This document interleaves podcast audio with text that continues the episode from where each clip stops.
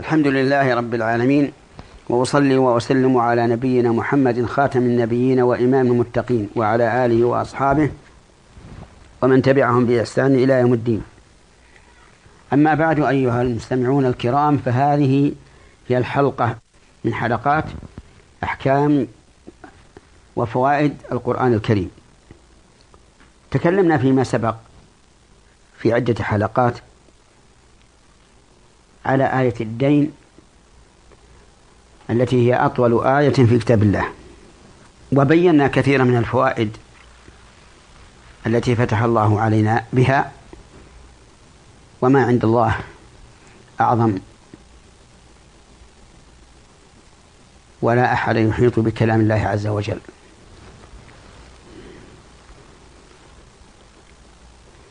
انتهينا إلى قول الله تعالى ولا يضار كاتب ولا شهيد. في بيان الفوائد. فنقول من فوائد هذه الآية الكريمة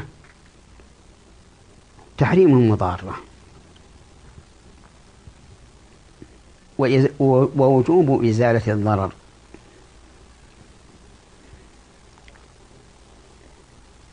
لقوله ولا يضار كاتم ولا شهيد.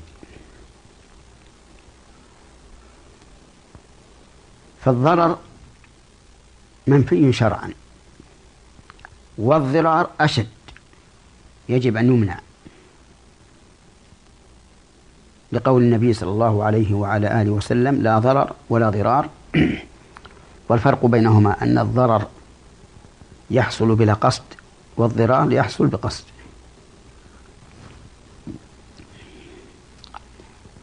ويتفرع على هذا الحديث مسائل كثيرة. منها أنه يحرم على الجار أن يفعل ما يتضرر به جاره.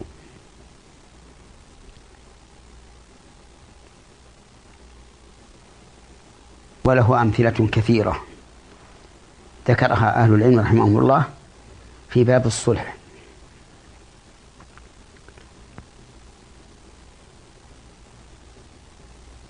فليرجع إليها. وكذلك يحرم على البائع والمشتري أن يضار أحدهما الآخر وعلى المؤجر والمستأجر. وكل من بينه وبين أخيه معاملة فإن هذه القاعدة داخلة فيه. فيها داخلة فيها بمعنى أنه لا يجوز إقرار الضرر ولا تجوز المضارة. ومن فوائد الآية الكريمة أن المضارة فسق. لقوله تعالى وإن تفعلوا فإنه فسوق بكم. أي وإن تضاروا الكاتب والشهيد فإنه فسوق بكم. أي خروج عن الطاعة وعن المعروف. وعن المروءة. فكيف يضار الكاتب وهو محسن؟ أو الشهيد وهو محسن؟ وكيف يقع الضرر أو الإضرار من الكاتب والشهيد وهو مؤتمن؟ كل هذا يخرج عن العدالة إلى الفسق. ولهذا قال وإن تفعلوا فإنه فسوق بكم. ومن فوائد الآية الكريمة وجوب تقوى الله تعالى. وهو وهي يعني التقوى امتثال أمر الله واجتناب نهيه ولا سيما فيما ورد في هذه الآية الكريمة. من الأوامر والنواهي. فتفعل الأوامر وتجتنب النواهي. ومن فوائد الآية الكريمة منة الله تبارك وتعالى على عباده بتعليمهم ما فيه صلاح دينهم ودنياهم واستقامة أحوالهم وابتعادهم عن الخصوم والنزاع.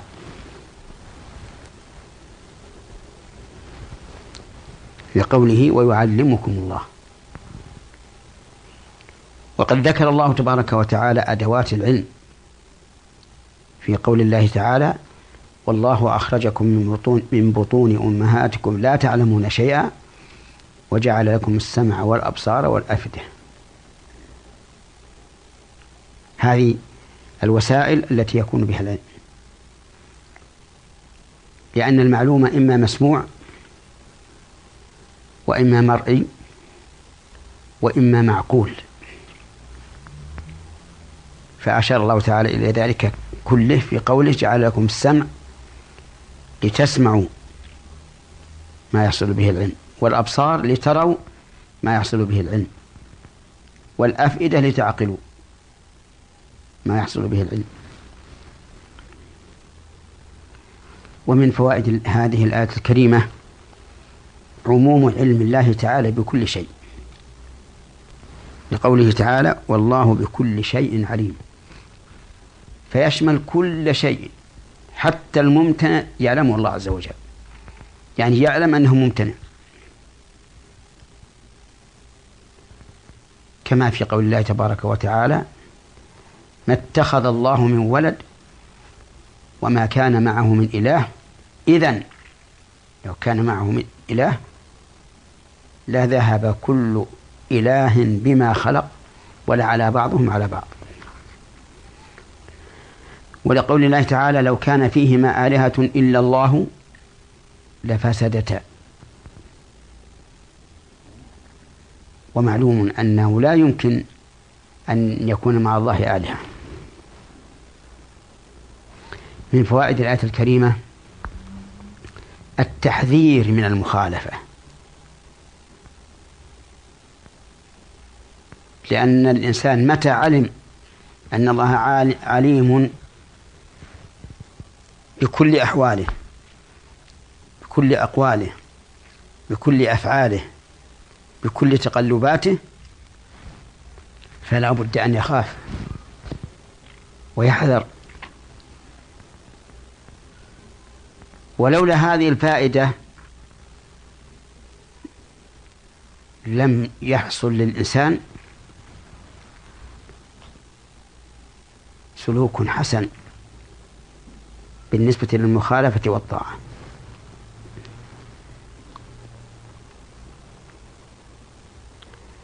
فإن قال قائل وهل يعلم الله عز وجل المستقبل؟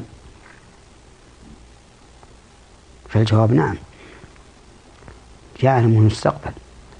متى يكون؟ وأين يكون؟ وكيف يكون؟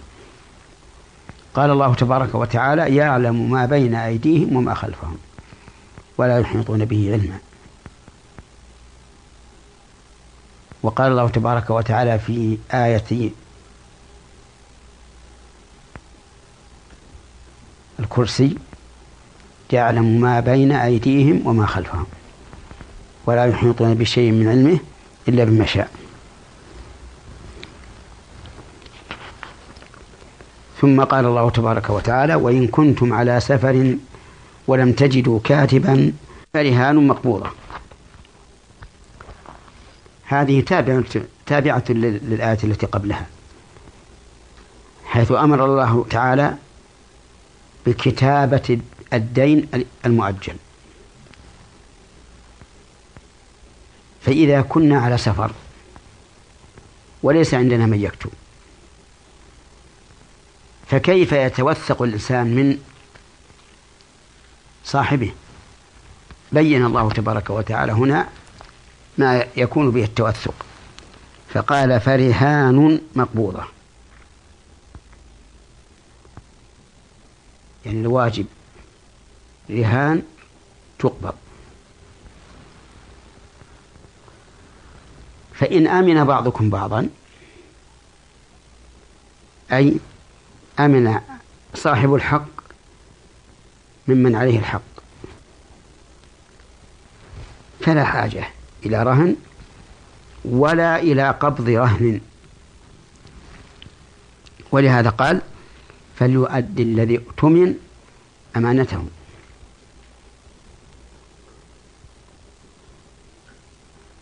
ولا حاجة إلى شيء سوى هذا. وليتق الله ربه.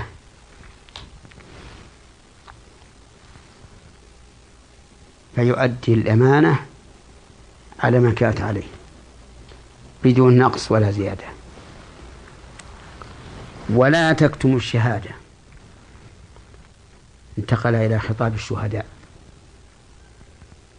يخاطبهم يقول لا تكتموا الشهادة. أي لا تخفوها.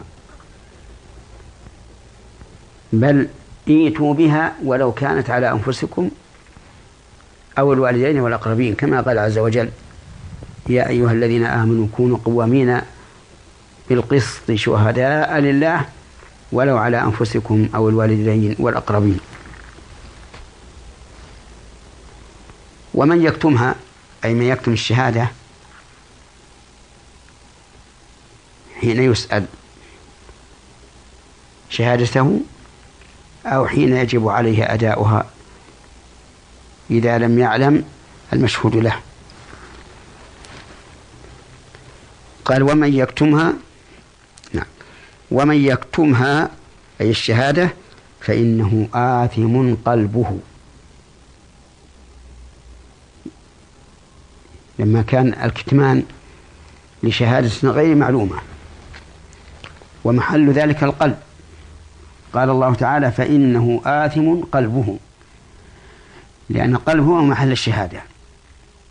فإذا كتمها الإنسان كان الإثم للقلب. فإنه آثم قلبه. والله بما تعملون عليم. يعني لا تظنوا أنكم إذا كتمتم الشهادة أن الله يخفى عليه ذلك. بل هو سبحانه وتعالى عليم بما نعمل. من كل شيء. بل هو عز وجل يعلم ما لم نعمل.